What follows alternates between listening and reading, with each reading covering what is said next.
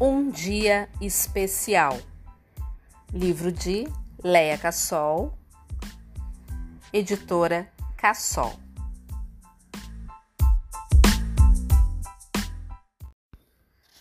Capítulo 3 Uma Grande Ideia.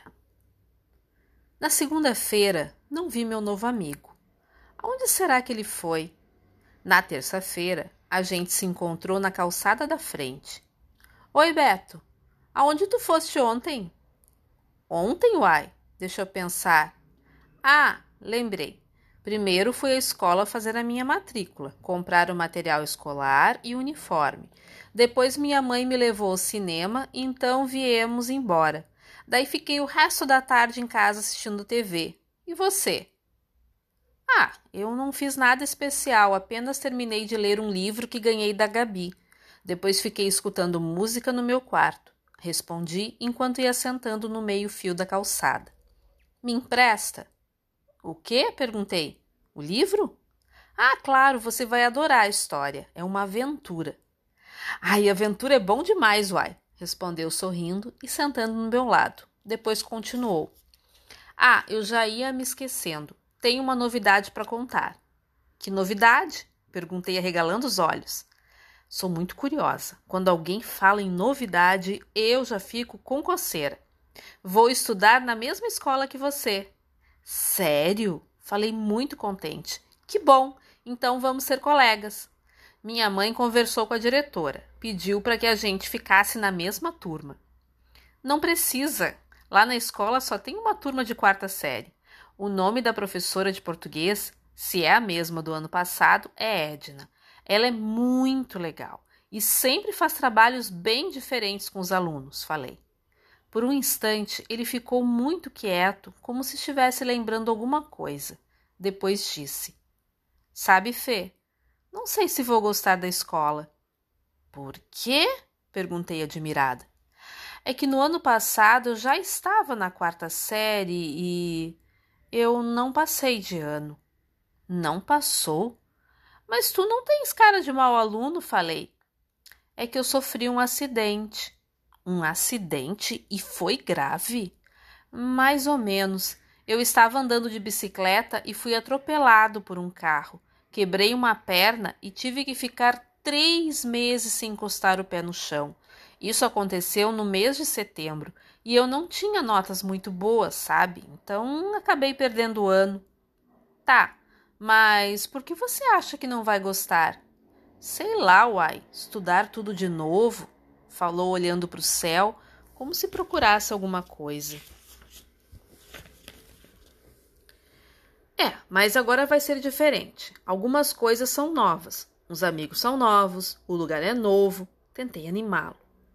Ai, uai, mas esta ainda é tudo novo. Eu que já passei um ano inteiro aprendendo sobre Minas Gerais, agora vou ter que aprender sobre o Rio Grande do Sul.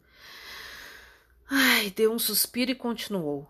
Fernanda, eu não conheço nem a rua onde eu moro, reclamou, levantando e caminhando na calçada. Bom, isso é verdade. Minha irmã falou que na quarta série a gente sempre aprende sobre o estado do Brasil em que se mora. Isso acontece em quase todo o país. Então, Imagine, se eu nem conheço Porto Alegre, como é que eu vou gostar de estudar o Rio Grande do Sul, uai? Falou agitando os braços e chutando uma pedrinha que voou para longe. Era a minha pedrinha de pular amarelinha. Hum. Bom, eu também não sei muitas coisas, mas é para isso que existem museus, vídeos, livros, professores. Fiz uma pausa e falei até com entusiasmo. A gente pode estudar juntos. Ele me olhou, levantou as sobrancelhas como se perguntasse: será que vai dar certo? E eu continuei: Olha, no ano passado nós estudamos sobre a cidade de Porto Alegre. Visitamos a Casa de Cultura Mário Quintana, o Museu de Artes do Rio Grande do Sul, a Redenção, o Gasômetro, a Catedral, o Palácio Piratini e outros lugares importantes. Se tu quiseres conhecer, eu peço para minha irmã levar a gente. Já sei! Nós podemos fazer um passeio pela cidade. Não só um passeio, não. Uh, um piquenique. Falei quase gritando de tão feliz que fiquei com a minha ideia. Um piquenique, uai? Onde? Ah, isso não importa. A gente leva o lanche de casa e quando der fome, uh, come, que tal? Puxa, até que enfim eu havia conseguido arrancar um sorriso daquela cara triste. Vi que ele estava começando a gostar da ideia. Aos sábados, a Gabi não trabalha. O que você acha? Eu? Eu acho que vai ser bom demais, uai, respondeu bem mais animado. Então tá. Agora vamos brincar? Sabe pular amarelinha? Ele balançou a cabeça e fez uma cara de quem nunca tinha pulado. Levantei e desenhei com giz uma amarelinha na calçada, enquanto ele foi procurar outra pedra. Sabe que ele aprendeu a brincar rapidinho?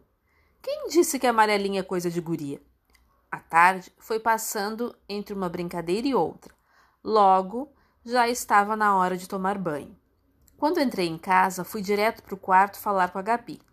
Gabi, Gabi, sabe aquela ideia de convidar o Beto para sair? O que é que tem? perguntou ela. Eu conversei com ele e a gente decidiu fazer um passeio pela cidade. Continuei entusiasmada, com direito a piquenique e tudo. Sei. E quando vai ser este programa maravilhoso? Nós pensamos no sábado, se não chover. Tá aí, gostei da ideia. Eu também estou com vontade de passear pela cidade para escrever umas poesias novas, mas é bom que tu fales com a mãe. Certo, nem deixei-la terminar de falar e já saí dando pulos pelo corredor. Fui até a cozinha e encontrei a mãe e o pai tomando chimarrão. Eu contei sobre o passeio e eles gostaram da ideia. Minha mãe disse que o lanche era por conta dela. No dia seguinte, chamei o Beto no portão da casa dele. Beto! Beto! Ele olhou pela janela, mostrou a mão, pedindo para que eu esperasse um pouco. Depois apareceu. Pela cara estava mais animadinho. Oi, Fê, tudo bom? E aí, Beto, preparado para o passeio? Tudo certo. Conversei com meus pais e não tem nenhum problema, respondeu, fazendo não com a cabeça e com a mão direita. Meu amigo é desses que fala mais com o corpo do que com a boca. Já eu.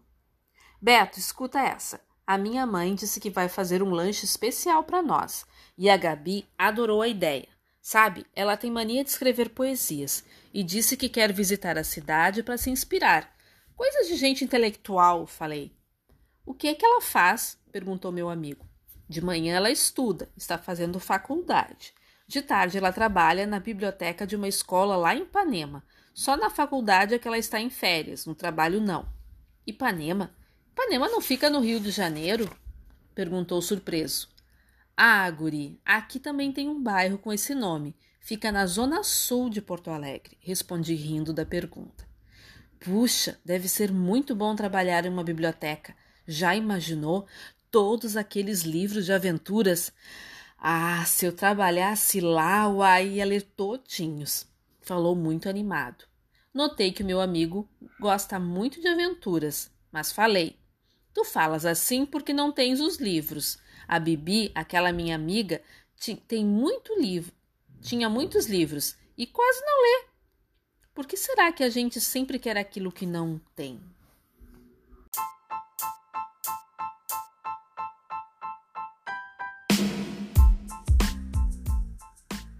Fim do capítulo 3